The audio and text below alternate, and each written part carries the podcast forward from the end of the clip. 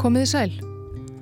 Að líkamsleifar fyrverandi þjóðhöfðingja séu grafnar upp úr jörðinni eða fjarlægðar frá því sem átti að vera þeirra hinsti dvalarstaður á annan hátt gerist líklega ekki alveg á hverjum degi.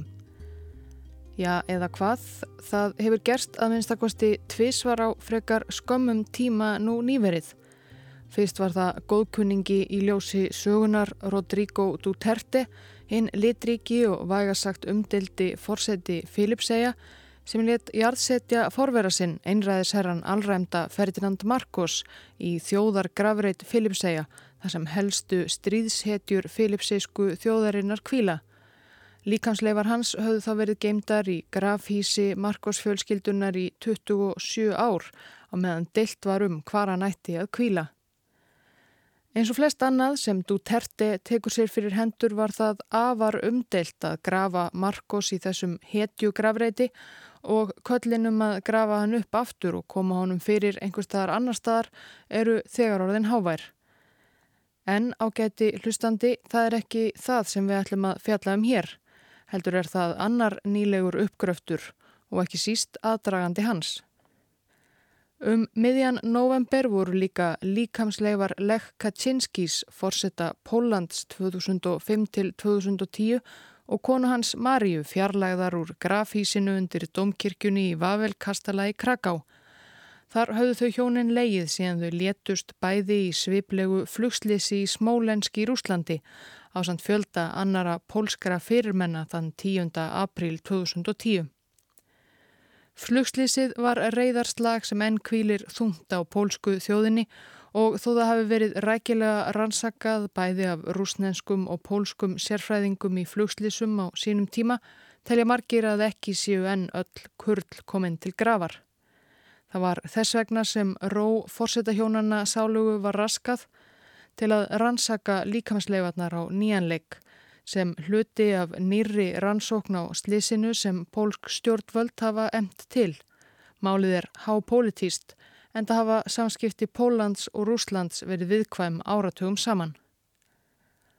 Það var gengið hratt til verks og fórsetahjónin eru nú aftur komin á sinn stað í grafhísi Dómkirkjunar í Vavelkastala. Hvað ef eitthvað kemur út úr þessari nýjustu rannsókn vitu við ekki enn ágæti hlustandi en nú er full ástæða til þess að fara yfir það sem við þó vitum um þetta hörmulega fluslis.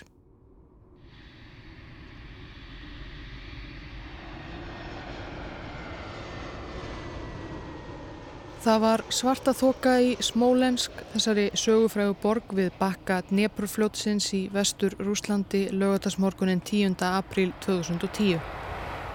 Þokan var svo þykk að séð ofanfrá gaf maður varla greint krónur háu byrkitrjána, híminhára á íslenskan mælikvarða sem umkringja flugöllin Smólensk norður. Flugöllurinn er fjóra kílometra norður af sjálfur í borginni og var lengst af rekin af rúsneska hernum en hans eina flugbraut hefur frá því árið 2009 einnig tekið á móti borgarlegum flugvelum á og til. Það var þó vissulega herflugvel sem var á leiðinni til smólensk norður þennan lögatast morgun. Vélinn sjálf var rúsnensk rétt eins og Birkitrén og landið sem leindist undir þókuhulunni. Tupulev TU-154 farþega þóta sem kynnt var til sögunar í lok 7. áratögarins og varð á áratugunum sem fyldu lang algengasta farartæki Aeroflot og annara soviskra flugfélaga flutti miljónir flugfarþega heimshortna á milli en var ekki síst þekkt fyrir að geta vel ráðið við þau margvíslegu vandamál sem fyldu innanlandsflugi í hennum gríðarstóru og fjölbreyttu Sovjetiríkjum og var jafn vel heima og víðum flugbrautum Sérimetjevo og Domodetovo og alþjóðaflugvallana í Moskvu og á malarbrautum nýrst í Sýberju.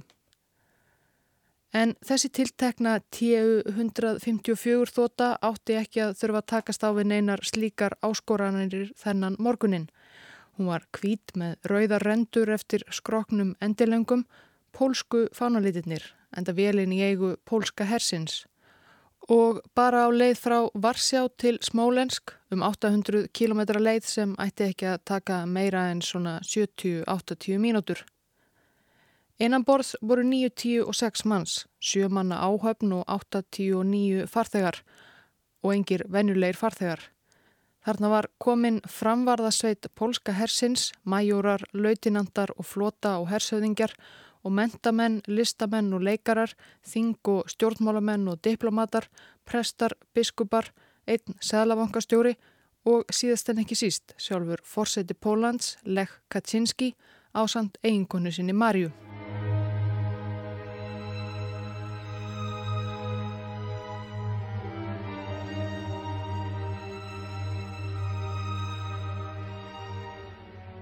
Þeim var ekki hlátur í hug, nafntóguðu farþegunum um borði Tupolev þóttu pólska hersins þennan morgunin. Ástæða þess að þau voru öll á leið til Smólensk var til að vera viðstött minningaratöfn um einn hræðilegasta atburði í nútímasögu Pólans og eitt dýfsta sárið á pólskri þjóðarsál. Í aprilbyrjun árið 1940, sem sé emitt 70 árum áður, hafði sovjaska leinilögruglan NKVFD hafist handa við að taka af lífi pólska her og lörglufóringja, ennbætismenn, mentamenn og aðra sem sovjetmenn höfðu tekið höndum þegar þeir réðust inn í Póland úr austri í september 1939. Margir af Pólands fremstu og færustu. Alls voru þetta um 22.000 fangar sem voru blákalt teknir af lífi á örfáum vikum vorið 1940. Margir þeirra fluttir úr fangelsum og fangabúðum út í Katinskógin við Smólensk. Þar var þeim skipað að krjúpa og svo voru þeir skotnir í höfuðið og grafnir í fjöldagröfum.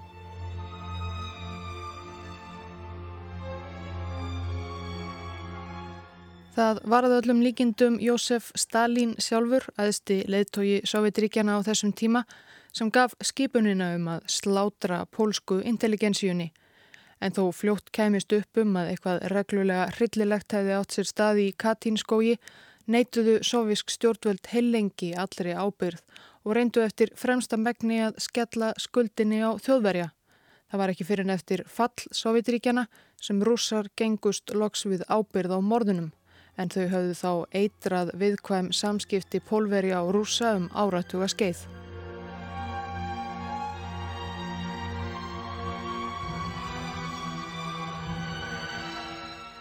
Það voru þessir hörmulegu glæpir sovjetmanna sem farþegarnir um borði Tupulev þóttu pólska hersins ætluð að minnast í sérstakri aðtöfn þann 10. apríl í gravreiti Katinskóginum um 20 km frá Smólensk þar sem um 4.000 af fórnarlömpum morðana kvíla. Þetta var merkileg aðtöfn að sjálfur fórseti Póllands myndist inn að föllnu pólverja í Katinskógi sjálfum á rúsnenskri jörðu ásamt fulltrúum rúsa það átti að marka tímamót og sömulegis sína fram á bætt samskipti pólverja og rúsa skrefi átt að sátum. Undirbúningur aðtamnarinnar hafði enda staðið vikum saman. Fyrrum morgunin, skömmu eftir nýju, hafði önnur pólsk flúvel lenda á flúvellinum Smólensk norður, full af bladamönnum og fjölmiðlafólki og öðrum gestum. Þrátt fyrir að veðurskilirði væru ekki með bestamóti og þokan þá þegar orðin nokkuð svakaleg hafði svo vel lent öruglega.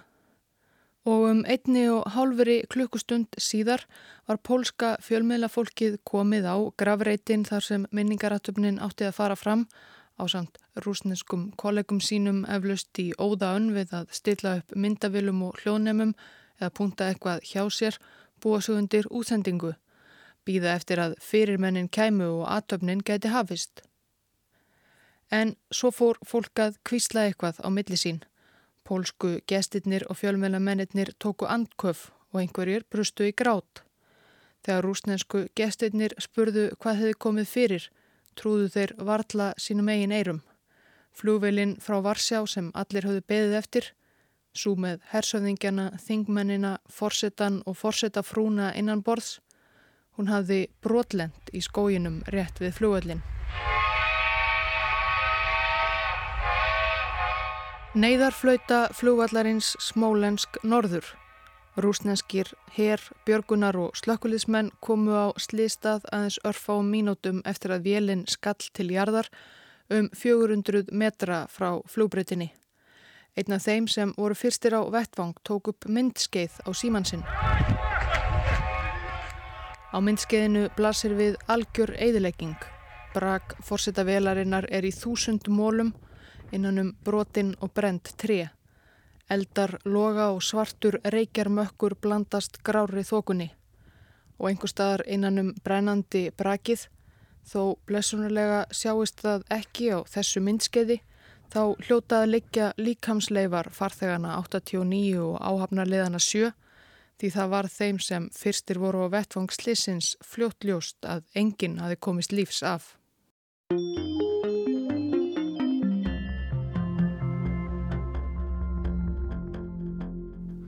Flugvél Lech Kaczynskis, fósetta Pólans, fóst í að flýja flugvélinum í Smólensk í vestur Rúslandi nú á 8. tímanum. Viku þjóðarsorg hefur verið líst yfir í Pólandi vegna fráfalls Lech Kaczynskis. Fregnir af slísinu í Smólensk lömuðu pólsku þjóðina. Á einu bretti hafði hún mist fórsetta sinn og svo ótal fleiri úr framvarðasveit þjóðlífsins. Strax þegar fréttin barst heim til Pólans byrjaði fólk að sapnast saman fyrir utan fórsetahöllina í Varsjá og fleiri ofinberrar byggingar, skildi eftir blóm og kransa. Sjö daga þjóðarsorg var líst yfir, fólk greta á götum úti og jáfnvel anstæðingar fórsetans sáluga voru harmi slegnir. Í fréttum Ríkisútarsins var rætt við Vítold Bogdanski, formann félags Pólveri á Íslandi, sem statur var í heimalandi sínu og Jóannu Efu Dominítsjak. Mm, það er í reyna voru martróð og, og eitthvað rosalega vond dröym, erfitt að trúa að þetta gerðist. Það er rosalega uh, gríðalegt manntjón fyrir, fyrir ríkið, fyrir, fyrir, fyrir tjóðina. Allir eru í losti og það er bara sjónvarpið og útvarpið bara fjalla bara um, um þetta og það er ekkert annað. Það skiptir ekki máli neitt annað nema bara sorgin og og fórsetin sem, sem dó. Það er áfall vegna þess má ekki gleyma. Auðvitað það skipt ekki máli ef við erum kannski ekki samála eða, eða, eða fórseti var, var fólk sem voru ekki kannski kjósa fyrir hann. Það, það skipt ekki máli. Við erum að taka þetta frá vegna þetta er tjóðarsorg fyrir, fyrir tjóðina.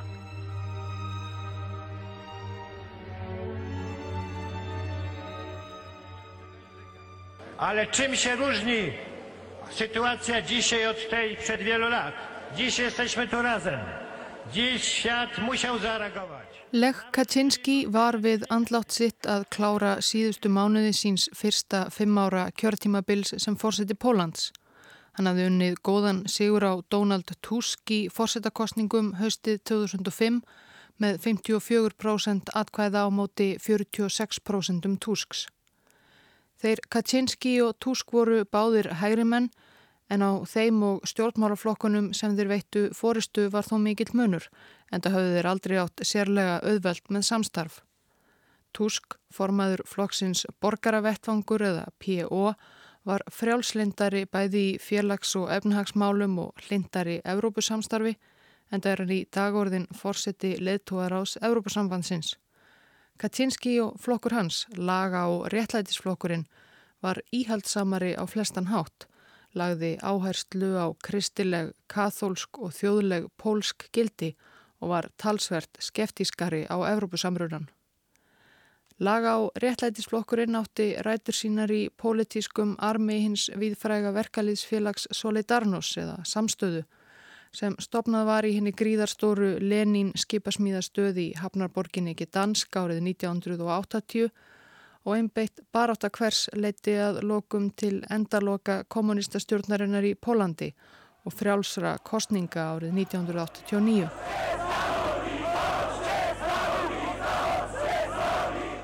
Lech Kaczynski gekk til liðs við Solidarnos á fyrsta ári félagsins 1980 ekki sem verkamaður heldur sem nýjútskrifaður lögfræðingur frá háskólunum í Varsjá og Gdansk sem á námsárunum hafi byrjað að taka þátt í andofi gegn kommunistastjórninni í Pólandi og gerðist nú ráðgjafi samstöðumanna á skipasmíðastöðinni og sér í lagi leðtoga verkalýsfélagsins Lech Valensa sem síðar varð fórsett í Pólans. Með sér í baráttunni hafði Lech Kaczynski tvíburabróður sinn Jaroslav. Þeir bræður voru einekja fættir í Varsjá 18. júni 1949 og sem slíkir ætíð mjög samreindir.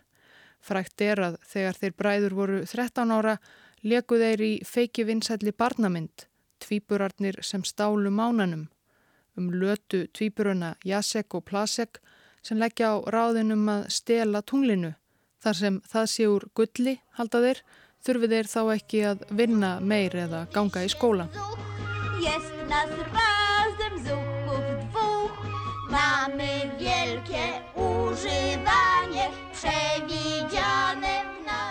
Jaroslav, hann kuvera 45 mínútum eldri en legg, fór líka í laganámi í háskólanum í Varsjá og gekk líka til þess við Solidarnos að því loknu. Eftir fall kommunismans fóru báðir tvíburarnir á Þing og störfuðu svo við Ímis stjórnmálatengt störf þar til 2001 þegar þeir tóku höndum saman og stopnuðu laga og réttlætisflokkin utanum þeirra sameinlegu þjóð og kristilegu íhaldstefnu.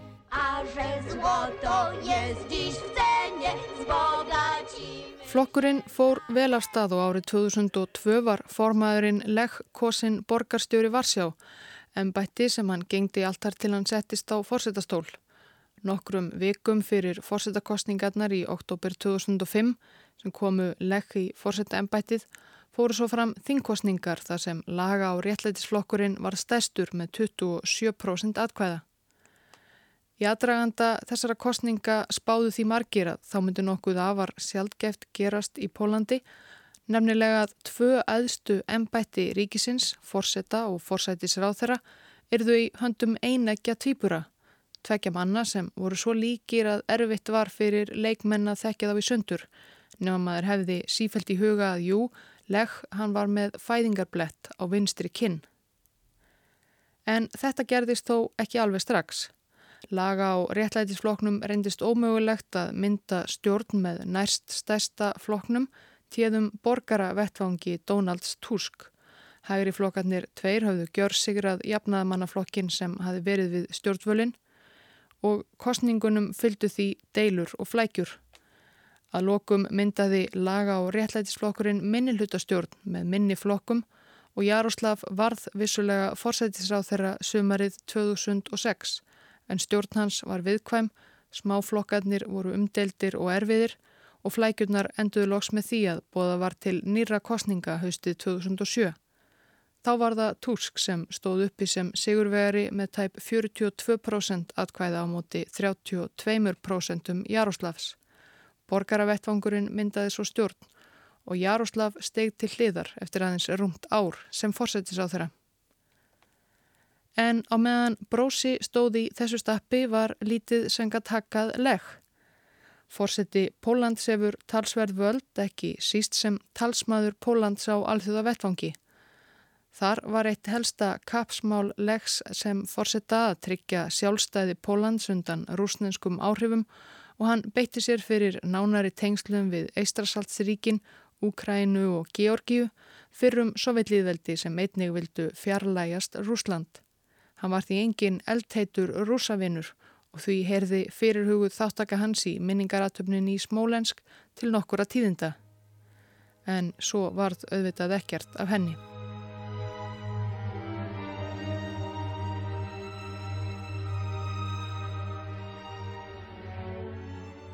Forsetin, dáin, forsetafrúin, herfóringjar og þingmenn og tugir annara. Þetta var stórslis og harmleikur. En þegar mesta áfallið var liðið hjá, fór fólk auðvitað í pólska stjórnkerfinu meðal almennings í Rúslandi og um heimallan að spyrja sig af hverju, hvernig gatt svona nokkuð gerst, hvað hafði farið úrskeiðis. Auðvitað átti að rannsaka tildrög slissins rétt eins og alltaf er gert þegar flugslis verða allstaðar í heiminum. Það flækti þó nokkuð málinn að þetta var pólsk flúvel sem rapaði á rúsneska grundu, Póland og Rúsland, tvö ríki sem eiga sér flókna og erfiða sögu. Samkvæmt alþjóðlegum leikreglum var það rannsóknanemnd samgönguslýsa þeirra rúsa sem tókað sér rannsóknslýsins þar sem það varð á rúsnenski grundu og nöð til þess hjálpar alþjóðlegra flugslýsa sérfræðinga. En pólsk stjórnvöld, þau sem eftir voru, voru heldur ekki lengi að setja á fót eigin nefnd til að rannsaka slísið. Niðurstöður þessara tvekja rannsóknanemnda reyndust vera nokkuð samhljóma þó svo að síðar hafi vissulega vaknað spurningar um störf og niðurstöður þeirra begja. Ágæti hlustandi við skulum kynna okkur þær, niðurstöður rannsóknar nefndana og mat þeirra á því hvað gerðist í hálóftunum yfir skóum Smólensk morgunin 10. april 2010. Tupulev þóta pólska hersins laði af stað frá flugvellinum í Varsjá 27 mindur yfir 7 að morgni eða 27 mindur yfir 9 að staðartíma á áfangastað Smólensk í Rúslandi.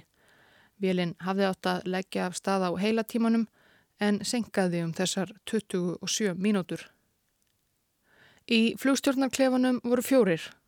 Flugstjórin Arkadius Protasjúk, höfðusmaður í pólska hernum, aðstóðar flugmaðurinn Robert Ksívna, Major, leðsögumæðurinn Artur Sietek og velstjórin Andrei Michalak. Allir voru þeir þrautrindir flugmenn með langan ferilað baki í pólska hernum en það ekki hverji sem er fengnir til að fljúa með fartega eins og þá sem sátu um borði í Tupulev TU 154 þóttunni þannan morgunin. Vélinn sjálf var einn af tveimur álíka Tupulev þóttum sem pólska ríkistjórnin hafi til afnóta Þessi var 20 ára gömul, smíðuð árið 1990 og hafði verið nokkur þúsund klukkustundir á flugi en túbúlegar eru langlýfir og þessi hafði bara örfa um mánuðum áður verið yfirfarin og tekin í gegn í heimalandinu Rúslandi. Flugstjórin Protasjúk var vanur að fljúa henni og hafði þar að auki flóið á henni einmitt til Smólensk bara örfa um dögum áður. Svo að þetta flug sem tók jafnan bara um klukkustund eða svo var sannlega ekkert til að stressa sig yfir nema þá ef vera skildi vegna allra fyrirmennana í farþegar hluta velarinnar. Heimildir okkar um atbörðarás þessa lögatarsmorguns eru ekki síst flugritar velarinnar sem fundust fljótlega eftir brotlendinguna. Flugritarnir, stundum kallaðir svartikassin þó í raun síðan appisnugulur, geima upplýsingar um flugið og hljóðritun úr flugstjórnarklefanum. Fjórmenningarnir þar rættu saman á léttum nótum eftir flugtak frá Varsjá, báru saman bækur sínan um vinnutíma, rættu yfirvofandi flug flugstjórans Protasjúks til bandaríkjana og rökrættu um það á hvaða áfangastöðum besta matinn væri að finna. En rannsakendur gáttu líka stuðst við upptökur úr flugstjórnar törninum í Smólensk norður og þar inni var stemmingin ekki alveg af góð. Um það byrjum pólska vélinn var að hefja sig til lofts var rúsnensku hermönunum sem þar störfuðu því þetta var jú herrflugöllur þó þar lendu stöku sinnum borgarlegar flugvelar var þeim að verða ljóst að veður skilirði á vellinum voru orðinansi slæm. Það varð svarta þoka og skiknið varð minna og minna. Skömmu áður en þvota fórsetta Pólans laði á stað frá Varsjá hafði Iljúsín flutningaflugvel rúsneska hersins hætt við lendingu í Smólensk eftir tvær tilraunir og haldið þessi stað til Moskvu. Það flækti málin að flugvellurinn var lítill og lítið notaður og hafði því ekki svo kallað blindlendingar hverfi, tækni sem leiðbennir flugmönnum í loka aðflugi að flugvelli ef skikni er slæmt. Þeir sem lendu á Smólensk norður urðu að treysta á eigin augu og getu og leðbeiningar úr flugturni.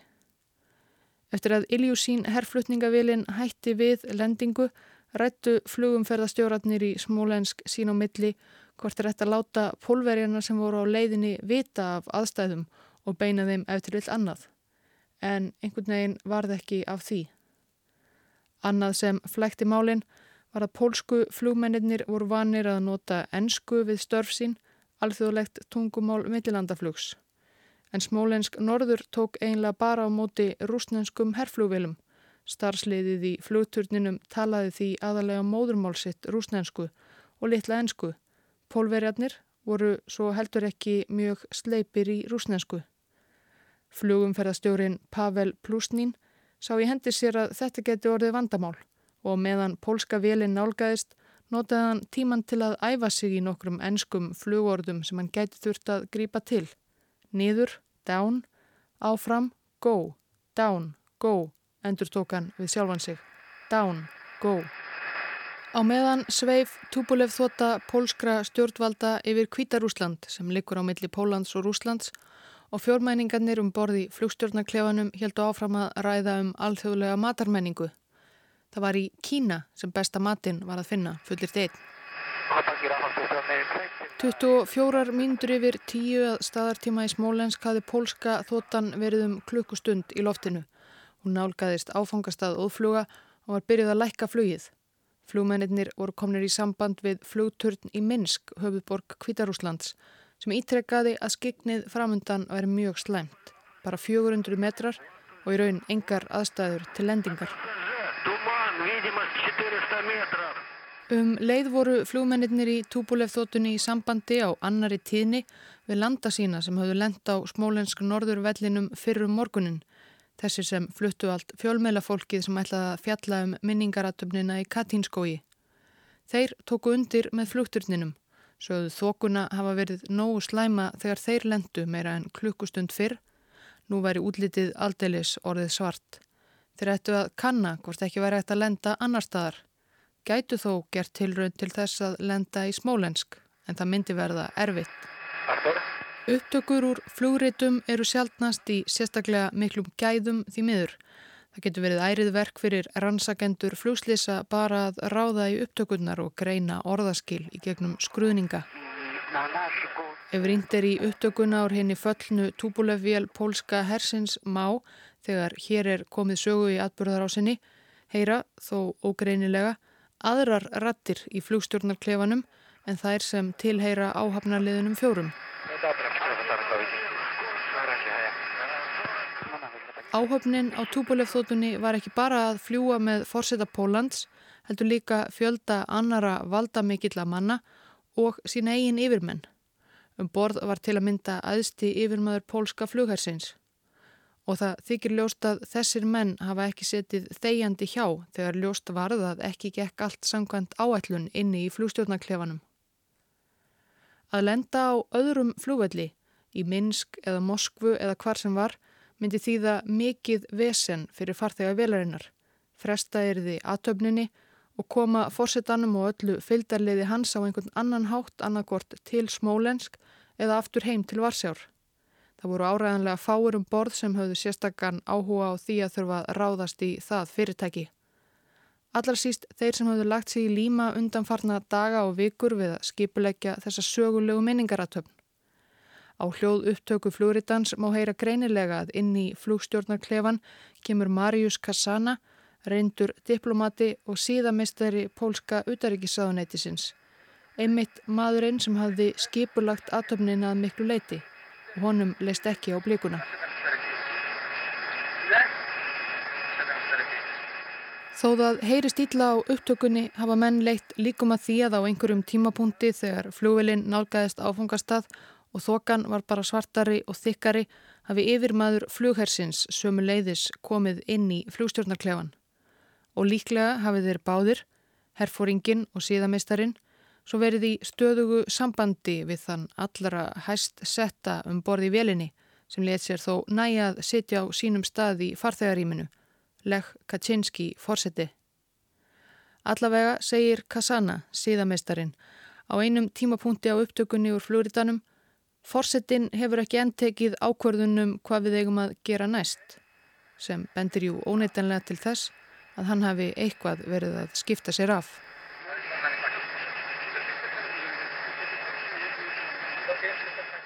Kanski komu ekki bein fyrirmæli um að þeir yrðu að lenda í smálensk en einhvað síður getum að rétt ímynda sér pressuna og stressið á fjórmenningunum í flústjórnarklefanum með yfirmenn sína og æðstu leðtoga pólsku þjóðarinnar hangandi á aukslunum þar sem þeir reyndu að taka ákvarðanir upp á líf og dauða.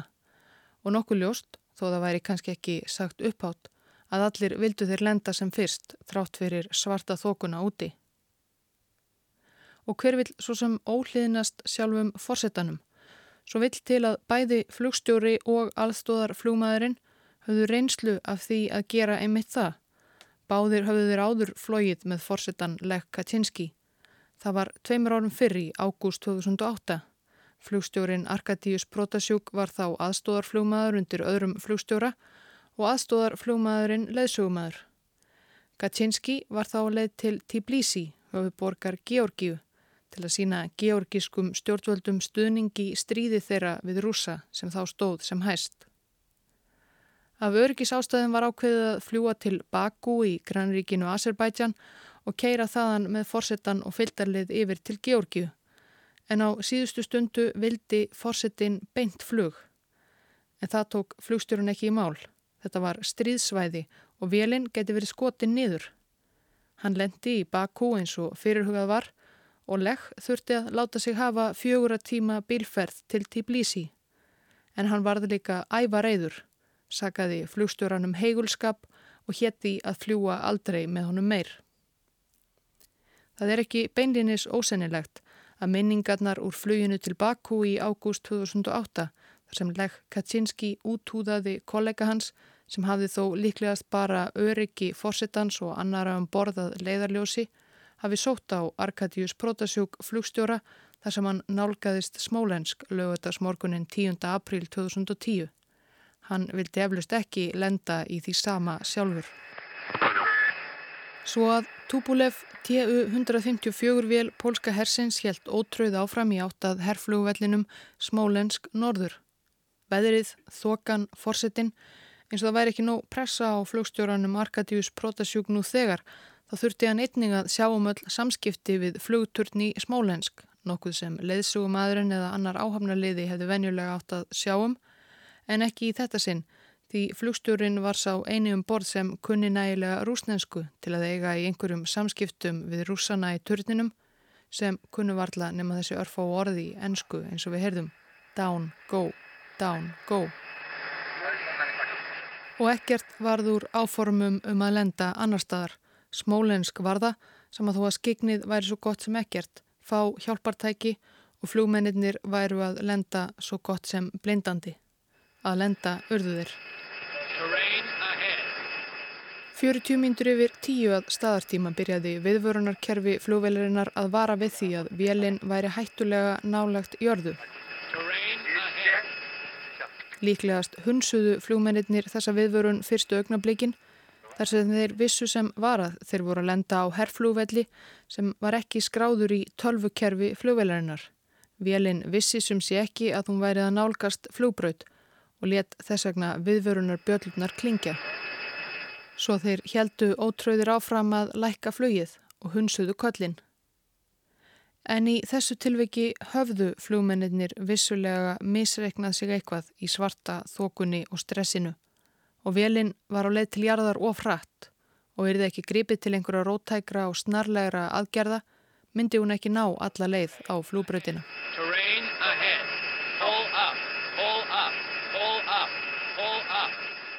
En á þessu áttuðu þeir sig ekki fyrir en það var of seint. Og krónur byrkitrjána sem umkringdu flúbröðina og höfðu falið sig í þokunni voru farnar að strjúkast utan í flúvilarskrokkin og svo um 18 mínútur í 11. staðartíma um 70 mínútum eftir að hún hafði lagt af stað frá Varsjá skall þotan til jarðar um 400 metrum frá flúbrutinni sem hún hafði stendað.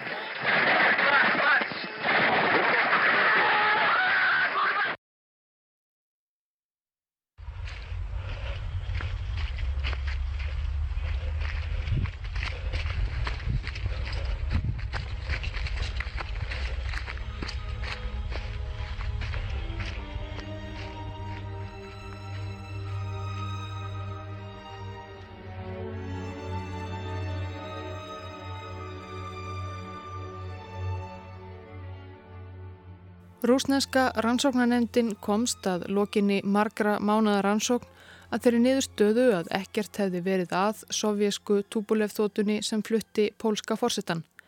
Heldur hefði slísið að mestu eða öllu leiti verið vegna mannlegra mistaka vegna þess að flúmennir undir gífurlegri pressu og við gríðarlega erfiðar vinnu aðstæður tókur ángar ákvarðanir. Þetta varð líka raunar niðurstaða pólskra sérfræðinga sem einnig rannsökuðu slissið að beðni pólskra stjórnvalda. Skísla þeirra fór líka hörðum orðum um yfirstjórn pólska flughersins og þjálfunar aðferða hans. En einhvað síður eru ekki allir samfærðir um að þetta sé hins sanna skýring. Það sé einum of grunnsamlegt að flugvél Forsetta Pólans Fórseta sem aldrei hafði hikað við að gaggrína stjórnvöld í Rúslandi, þessum forna fjanda, hafi farist einmitt yfir rúsneski grundu. Á því sex og hálfa ári sem liðið er frá því að slísið varð hafa svo margar samsæris kenningar verið settar fram að ómögulegt væri að nefna þar allar hér.